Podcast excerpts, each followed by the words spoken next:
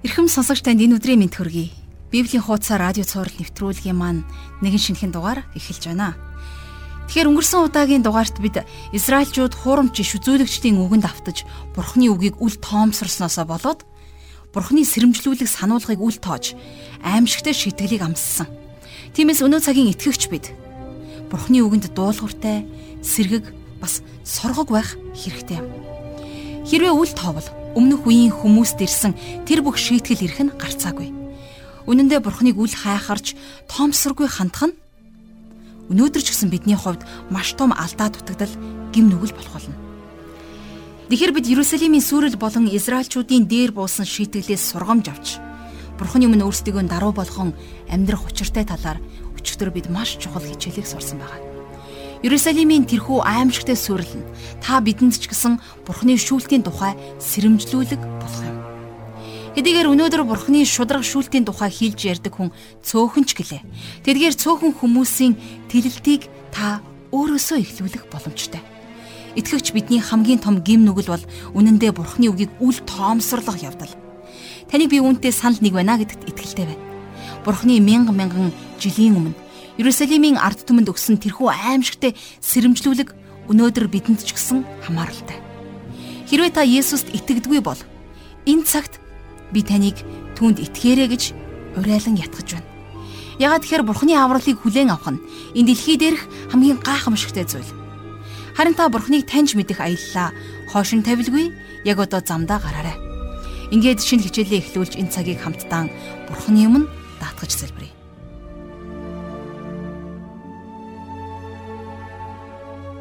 Хайртай бурхан аав минь таньда энэ цагийн төлөө талархал магтаалыг өргөн залбирч байна. Үнэхээр энэ өдөр бид таны үгийг судалж, таныг улам илүүгээр таньж мэдхийг хүсэж байна. Бид итгэлийн амьдралдаа улам тууштай байж, бидний эргэн тойронд ёс бус байдал улам бүр нэмэгдэж байгаа ч гэсэн бид итгэлээрээ бат зогсоход та өнөөдрийн үгээрээ дамжуулан биднийг синхруулж, биднийг босгон байгуулаач.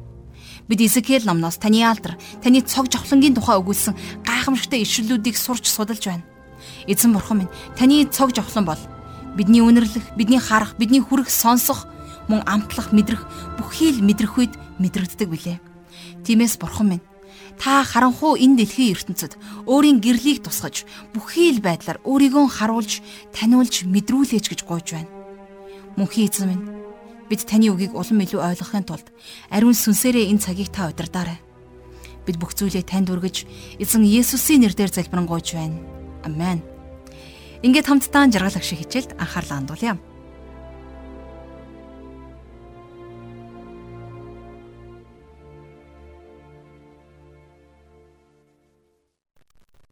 Изекил номын маань судлал 6 дугаар бүлгээр өнөөдөр эхэлж байна. Тэгэхээр урд нь би хэлсэн тийм ээ. Изекил ном бол маш их эмх цэгцтэй номоо гэж. За энэ бүлгийг хүртэл бол бид нэр ихэвчлэн Иерусалим хоттой холбоотой иш үзүүлгүүдийг үзсэн байна. Харин яг энэ бүлгээс эхлээд иш үзүүлэгч маань Бурхны шүүлт зөвхөн Иерусалим хот дээр биш бүх Израилийн газар нутаг дээр буух болно гэдгийг ярьж эхэлдэг. За Изекил бол Небухиднецар хааны Юдагаас цөллөгт авчирсан хоёр дахь цуваанд багтсан байсан.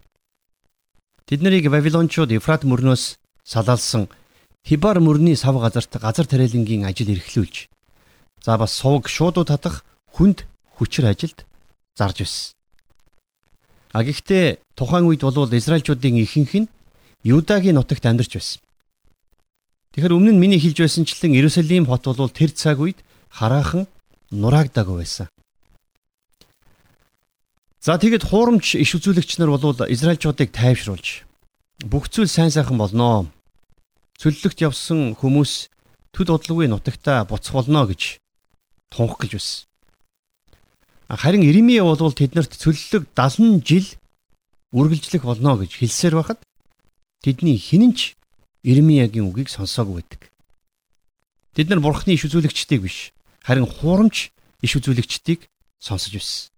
Яагаад гэвэл хуурамч иш үзүүлэгчдийн үг тэднэрт арай илүү таатай. Арай илүү өөдрөг сонсогдож байсан байна тийм ээ.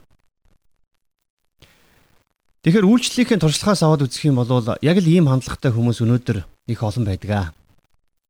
олон хүмүүс цуглаанд явхдаа зөвхөн өөрийнхөө чихэнд таатай үгийг л сонсох гэж очдог. Тэд нар таалагдахгүй үгийг дамжуулах үед бол тэд нар янз бүрээр дургуйцлээ илэрхийлж за тэрч бүхэл цуглаанаа орхиод өөр цуглаан руу явах тохиолдол зөндөө байна. Тэдний хувьд бурхны үгийг үннээр нь за яг байгаагаар нь сонсохыг хүсдэггүй. Тэд нар өөрсдийнхөө амьдралын талаар хэлж байгаа гашуун үннийг сонсохыг хүсэхгүй байна. Харин ч өөрсдийнхөө чихэнд таатай зүйлсийг л сонсохыг хүсдэг. Тэгэхээр чухамдаа яг л ийм хүмүүс гаж урсгалынхны залмихэнд илүү амархан автдаг юм шиг надад санагддаг. Харин байна. Бурхны үг болвол бидний таалалд нийцхийн тулд байдаг тийм үг бишээ. Та бид нар Бурхны үгийг өөртөө нийцүүлэх биш харин бид нар өөрсдөө өөрсдийгөө Бурхны үгэнд нийцүүлж амьдрах учиртай. Өнөөдрийн бидний үзэж эхлэх 6 дугаар бүлэг болон за бас дараагийн хичээлээр үзэх 7 дугаар бүлэг дээр бол Израильчуудын дээр буух шүүлтийн тухай гардаг. А гэхдээ энэ удаад бол Изекил Израилийн газар нутаг даяар буух тэрхүү аимшигтэй шүүлтийн тухай өгүүлнэ. За Израильд байгаа хиймэл шүтээнүүдийг шүтгчт нь бүгдээр амиа алдаж улмаар газар нутаг нь эзгүүрэн сүрэх болно гэдгийг Изекил урдчлан иш үзүүлсэн байна. За ингээд нэгдүгээр ишлэл ингэж эхэлж байгаа. Эзний үг надад ирж.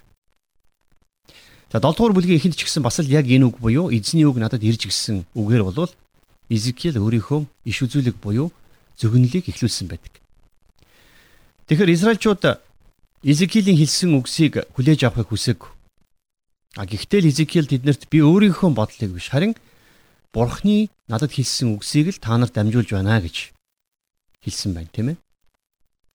За бас нэгэн сонирхолтой зүйл нь юу вэ гэхлээр 6 7 дугаар бүлэг хоёулаа та нар намайг эзэн гэдгийг мэдэх болно гэсэн үгээр төгсдөг. Тэгэхээр бурхан Израильчуудын дээр аимшигтай шүүлтийг буулгасан нь тэднэрт өөрийгөө бурхан гэдгийг мэдүүлэхийн тулд байсан байна, тийм ээ. Хүмүүс бидний дээр бурхан шүүлтээ буулгадаг нэгэн гол шалтгаан болвол Бурхан өөрийгөө бидэнд ариун бурхан гэдгээ таниулахын тулд байдгийг. Өнөөдөр энэ дэлхий Бурхан эзнийг ариун бурхан хэмээн таньж мэдэх хэрэгтэй байгаа. Итгэгчид та бид нэр бурхан бол хайр гэж зөндөө ярьдаг. Тийм ээ мэдээж бурхан бол хайр. Гэхдээ энэ бол бурханы мөн чанарын ердөөл нэгэн хэсэг нь. Бид нар зоосны нөгөө талыг бас харж чаддаг байх ёстой. Юу вэ гэхлээр бурхан бол хайр. А нөгөө талаараа бурхан бол ариун. Тэрээр гим нүглийг шийтгэлгүй орхидгүй юма гэдгийг бид нар хэрзээш мартаж болохгүй.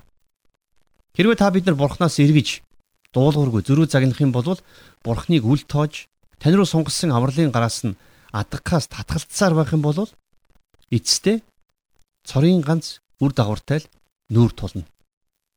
Энэ бол шүүлт. Хүмүүс өөрсдийгөө янз бүрээр өмгөөлдөг. Өөрсдийнхөө гим нүглийг янз бүрээр хаацалдаг. Бурхан байхгүй гэж өөрсөддөө итгүүлж бусдыг ч бас энэндээ итгүүлэхийг хүсдэг. Нэгэн еврей эрдэмтэн залуу Бурхан гэж байхгүй гэдгийг батлахын тулд нацист дэглэмийн үед амиа алдсан 6 сая еврей хүмүүсийн эмгэнэлт хувь тавиланг жишээ татсан байдаг. Библиэлд Бурханыг өөрийнхөө ард түмнийг итгэмжтэйгээр хамгаалагч гэж бичсэн байгаа. А гэтэл тэр эрдэмтэн бичгтээ Библийн бурхныг байдаг гэдэгт итгэхийн тулд бид нар бурхан гитлэрээр дамжуулан өөрийнхөө ард түмнийг харгас хэрцгийгээр шийтгсэн гэдэгт нь итгэх ёстой болно гэсэн үг. Би хувьдаа ийм бурханд итгэж чадахгүй. Оошвицэд болсон тэр аимшигтай үйл явдлаас хойш бидний хувьд бурхан үгсэн. Тэр үгсэн бурхныг хинч амьлуулж чадахгүй гэж тэр еврей эрдэмтэн бичсэн байсан. Бурхан Израилийг хамгаална гэж амласан мөртлөө тэднэрт ийм гашуун зүйлийг зөвшөөрсөн учраас Бурхан гэж өрдөөсөө байхгүй гэж тэр эрдэмтэн дүгнсэн байна, тийм ээ. Бурхан хизээч өөрийнхөө ард түмэнд ийм зүйлийг зөвшөөрөх ёсгүй гэж тэр бодож байсан.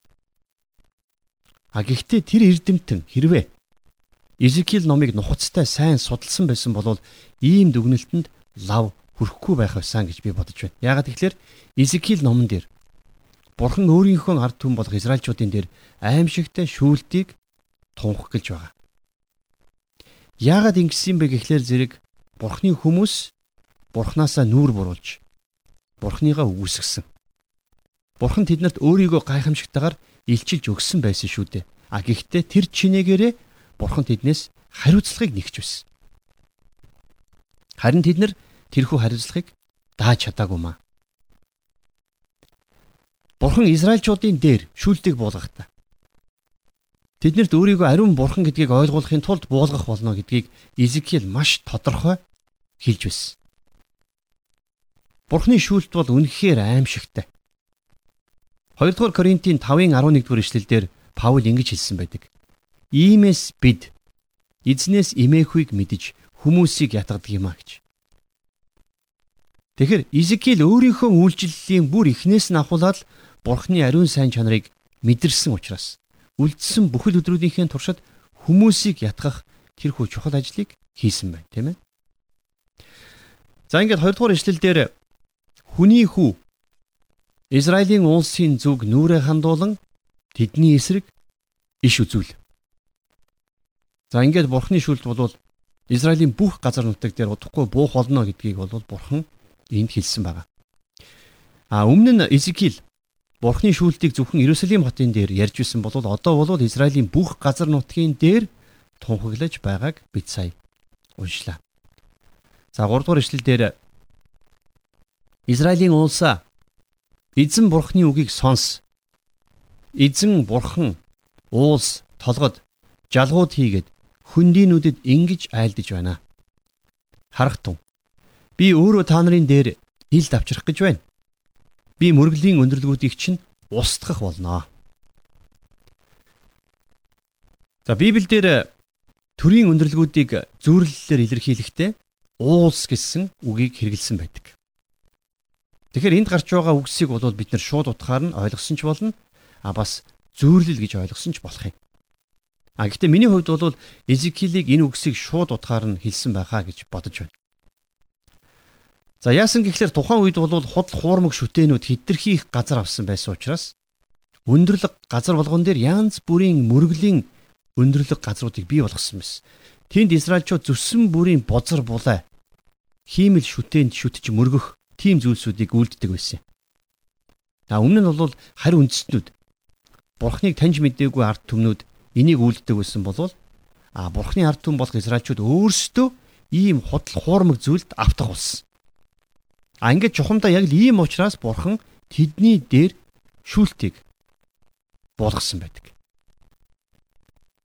4-5 дугаар ишлэлдэр тиймээс тахлын ширээнүүд чинь эвдрэн эцэс болж удлахад тахлын ширээнүүд чинь бутарна. Би алагдсан хүмүүсийг чинь та нарын шүтээнүүдийн өмнө унгана. Би мөн Израилийн хүүгүүдийн цогцсыг шүтээнүүдийнх нь өмнө тавьж та нарын яснуудыг тахлын ширээнүүдийн чинь эргэн тойронд тараана гэсэн баг. Израильчууд Бурхны арга замуудыг таньж мэдвэл мэдхээр болсон байсан. Харамсалтай нь тэд нар Бурхнаасаа улам бүр холдож хиймэл хотл шүтээнүүд рүү эргэсэн. Хэрвээ бид нар Бурхантай наймаалцж хэрвээ Бурхныг хуурч аргалж болно гэж бодож байгаа бол бид нар зөвхөн өөрсдийгөө л хуурч байна. Бурхны шүүлт ирэх нь гарцаагүй. Ягагт гэвэл Бурхан бол ариун Бурхан. Тэр бол алс тэртээд Үйлсийн цаан сууж байдаг чихэн хатуурсан хөгшин өвгөн бишээ. Изекил номын 1-р бүлэг дээр Бурхны ариун байдлыг үзэгдэл дотор Изекил харсан байдаг, тийм ээ. Өөрийн ариун байдал дотор энэ дэлхийг хэрхэн яаж шударгаар шүүх вэ гэдгийг нь ч Изекил харсан. Тэгэхээр Бурхны шүүлт гэдэг бол нэг талаас гашуун имтэй адилхан. Им хэдийгээр уухад гашуунч гэсэн өвчин тустай байдаг шиг Бурхны шүүлт хэдий сонсоход аягүйч бидний амьдралыг цэвэрлэж ариусгаж байдаг. Та бид нар Бурхны ариун байдлыг хүлээн зөвшөөрч тэрхүү гашуун имийг уух хэрэгтэй. Тэгж байж гимэж нь бид нар ариун амьдралаар амьдрах боломжтой болно. А тэгвэл асуулт. Та Бурхны ариун байдлыг хүлээн зөвшөөрөхийг хүсэж байна уу? За Израильчуудын хувьд бол бурхан тэднийг шүүнэ гэдгээ хэлсэн. Харин Израильчууд өөрсдийнхөө гин бурууг хүлээн зөвшөөрөхийг ердөөсөө хүсэхгүй байсан байна. 8 дугаар ишлэлдэр харин би үлдгэсдийг үлдээн. Та нарыг улсуудын дунд тараасан үед та нараас үндэстнүүдийн дунд элднээс зүхтаагсад байх болно. Хэдийгээр Израильчууд Бурханаас холдож төөрөн одсон байсан ч гэсэн тэдний дунд цөөхөн хідэн хүмүүс Бурханд итгэмжтэй байдлаа хадгалан үлдэж чадсан байсан. За эдгээр хүмүүсийг бол Бурхан үлдгэсэд гэж нэрлсэн байна. Тэгэхээр үеийн үед Бурханд итгэлтэй үлдгэсэд байсаар байсан гэдгийг бид нар мартаж болохгүй. За өнөөдөр ч гэсэн чуулганы дунд Бурханд итгэмжтэй үлдгэсэд байсаар байгаа. Хэдийгээр нөхцөл байдал бидний нүдэн дээр улам бүр дордож байгаа юм шиг харагдаж болох ч гэсэн Бурханд итгэмжтэйгээр үлдгэсэд байсаар байгаа гэдгийг бид нар үргэлж санаж урамшиж амьдрах ёстой. За нөгөө талаасаа бол ингэж итгэмжтэйгээр амьдрж байгаа хүмүүсийг Бурхан хизээч мартаж орхитгүй юм а гэдгийг бас бид нар давхар санах хэрэгтэй. За 9 дугаар эшлэлдэр тэгээд надаас иргэсэн садар зүрх шүтээнүүдийнхээ араас садарлах нүднээс чинь болж миний хэрхэн шаналсныг олзлогдоод хүргэгдсэн үндэстнүүдийнхээ дунд та нарын доторх хилтрэгсэд саннаа. Хамаг жигшүүр дотроо үйлдсэн муу муухайгийнхаа улмаас тэд өөрсдийгөө жигших болно. Бурхны шүүлтээс үлдгэсэд нь хожим юу хийх вэ гэдгийг энэ ишлэлдэр тодорхой хэлсэн байна. Тэд нэр Бурхныг гэрчлэнэ гэж хэлсэн байна, тийм ээ. Израильчууд хэдийгээр Бурхны ард түмэн байсан боловч тэд нар Бурхнаасаа эргэж худал хуурмаг шүтэнтэй холбогдсноороо сүнслэг садар самуунд автсан.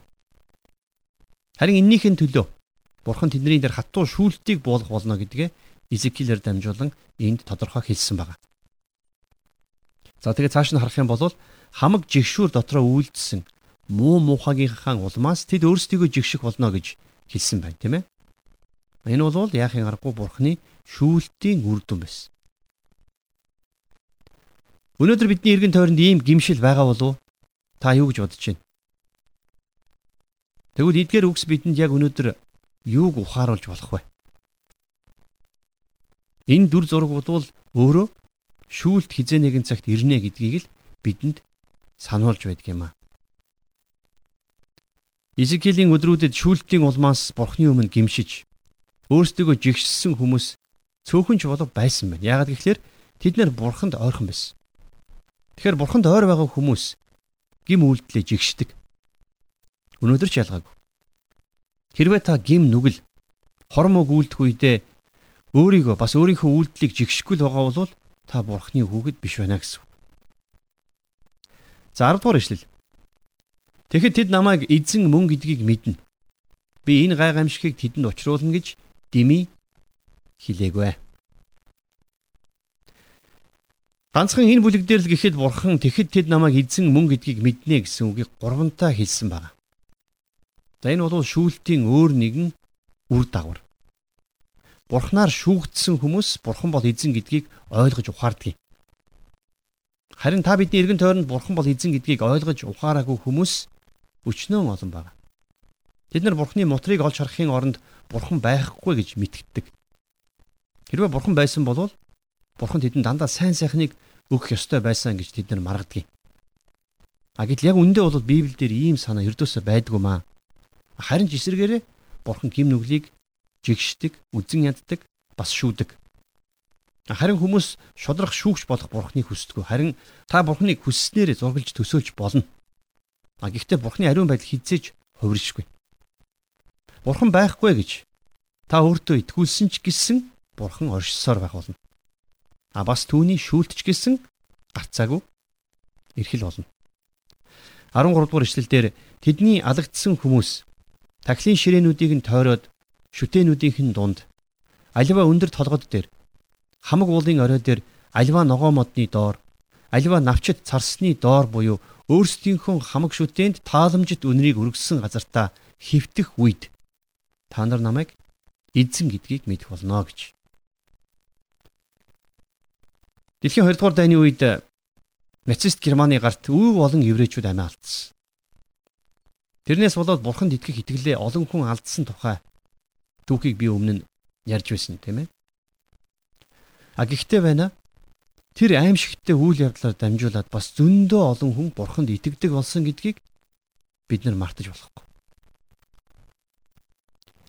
Энэ аимшигтээ аллах үйл явдлын үр дүнд Христэд итгэсэн тэр олон хүмүүсийн тухай хүмүүс тэр болгон яриад байдаг.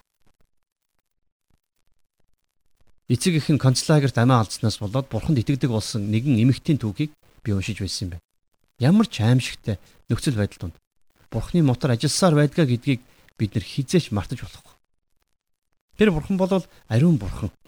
Хэрвээ бидний гим нүглийн төлөөсийг төлөхийн төлөө бурхан ганц хүүгээч өршөөгүйгүй юм бол тэр тусмаа гим нүглийг шийтгэлгүй орхихгүй шүү дээ.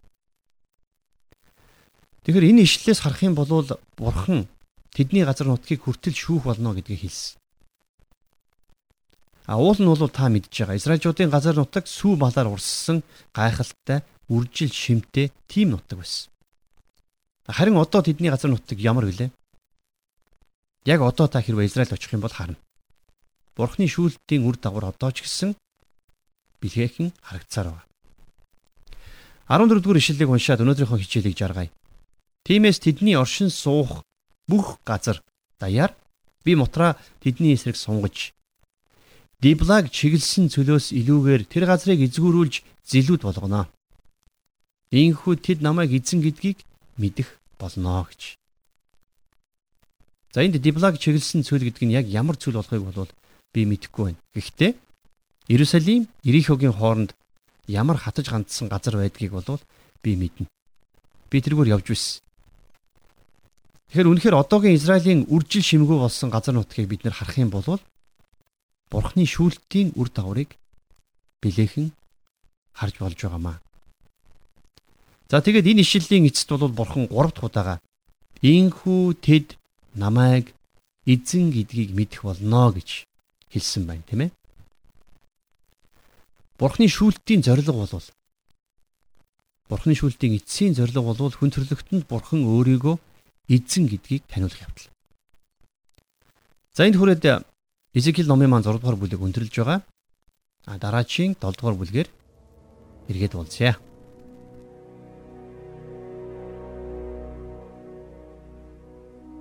Тэгэхээр бидний бурхан эцэг бол үнэхээр ариун шудраг шүүгч юм аа. Тэр ямар ч гим нүглийг шийтгэлгүй орхихгүй.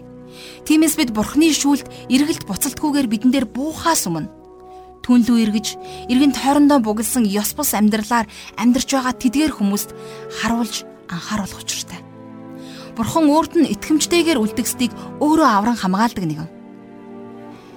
Тэгэхээр бид өнөөдрийн хичээлээр иш үзүүлэгч Изекиэл нэгэн тунхаглалыг хүмүүст хэлж тэр нь хэрхэн биелснийг бид өнөөдөр харлаа. Тэгэхээр Бурханы шүүлт бол зөвхөн Иерусалим дээр биш харин бүх Израилийн газар нутаг дээр буух болно гэж тэр тунхагласан. Энэ нь тэгвэл өнөө цагийн бидэнд ч гэсэн хамааралтай болохыг жаргал агшиг хичээлээр дамжуулан Бурхан өнөөдөр үгээ хэлж байна. Өнөөдөр бидний худал хуурмаг үгээр хуурагчд дэндүү олон болсон. Яг л хуурамч иш үзүүлэгчд Израильчуудыг тайвшруулан тайтгаруулах гэж оролдож байсан шиг тэр бүх хэлсэн үг нь бал бурам шиг амттай байсан ч гэсэн. Хожмын үр дагавар нь хор уршиг нь сүрэлд авчрах тийм л худал хуурмаг дэлхийн ертөнцийг хүн төрлөختнийг идэж байна. Тэгэхээр хэрвээ бид бахвайдгаараа Бурхныг үл тоомсорлож Бурхны үгэнд дуулуургүй зөрүүд байх юм бол эцэст нь юу хүлээж байгаа бол тэр бидэн лөө авралын гараа сунгасаар байх болов та энэ талаар нэг нь хуцтай бодоод үзээрэй. Бид бол Бурхны дүр төрхийн дагуу бүтээгдсэн түүний гайхамшигтай бүтээлүүд. Бүтээгч эзнээ гомдоох хэрэг бидэнд үнэндээ байхгүй. А гисэн ч тэр биднийг маш их хайрлсан учраас өөрийгөө үгүйсгэх хүртэл тийм сонголтыг хийсэн. Эзэн Бурхан бол өөрийн хүүхдүүдийг зов зүдрэхэд хизээч орхидоггүй нэг. Үргэлж хамт байж, үгээрээ босгон байгуулж биднийг хүчрхэгжүүлдэг. Харин та түүний тань руу сунгасан авралын гарыг атгахаас татгалцсаар байвал эцсийн эцэст цорын ганц үр дагавартай нүүр тулах болно. Мэдээж энэ бол шүүлт. Тэгэхээр түүний шүүлт хичнээн аимшигтай болохыг өнөөдөр бид харлаа. Энэ хүрээд өнөөдрийн хичээл маань өндөрлөж байна Харин та сурч мэдсэн зүйлийнхаа төлөө эзэн бурхны өмнө талархаж бас бид юу хийх ёстой вэ? Бид юуг хийхгүй байх вэ гэдэг дээр эзнээс мэрэгэн ухааныг, эзнээс ивэл хайрыг, түүний нэгүслийг гуйж залбирцгаая. Мөнхийн эзэн минь. Энэ ертөнцийн цорын ганц шүүгч, үнний шүүгч бурхан минь. Таньда өнөөдрийн үгийн төлөө талархал магтаалыг өргөн залбирч байна. Тийм ээ эзэн минь бид таны өмнө даруй байж, таны үгийн дагуу амьдарч, итгэмжид үлдгэсэд байхад бидэнд туслаарай. Бидний эргэн тойронд нийгэм хэдийгээр завхарч улам бүр доройтсоор байсан ч гэсэн бид итгэлээ сахин тууштай байхад та ариун сүнсээр бидэнд туслаач. Мөнхийн эзэн минь бидний бас юу хийх ёстой? Юу хийх ёсгүйг та ариун сүнсээр бидэнд заагаач. Бидний хэл хязгаарыг мэдүүлж өгөөч. Эзэн бид гим нүглээ мэдгүйгээс олж хийгээд дараа нь мэддгээсээ болж хийдэг тийм л төөрөлдсөн бодлоо бас өчүүгэн дотортой хүмүүс баймааргүй байна. Эзэн бурхан минь та гим нүглийг шийтгэлгүй орхихгүй гэдгийг санахта бид эргэн тойрондоо яг л Изекэл шиг сүнсний харуулууд байж тань руу эргэхийг хүмүүст сануулдаг тийм л итгэгчд тийм л сүнслэг харуул нэрууд байхыг хүсэж байна. Мөнхийн эзэн минь та ариун сүнсээрээ бидэнтэй хамт байгаарай. Бидний итгэлийн амьдралаар дамжуулан та өөрийгөө алдаршуулаарай. Бүх зүйлийг танд өргөж эзэн Есүсийн нэрээр залбирanгуйж байна. Амен.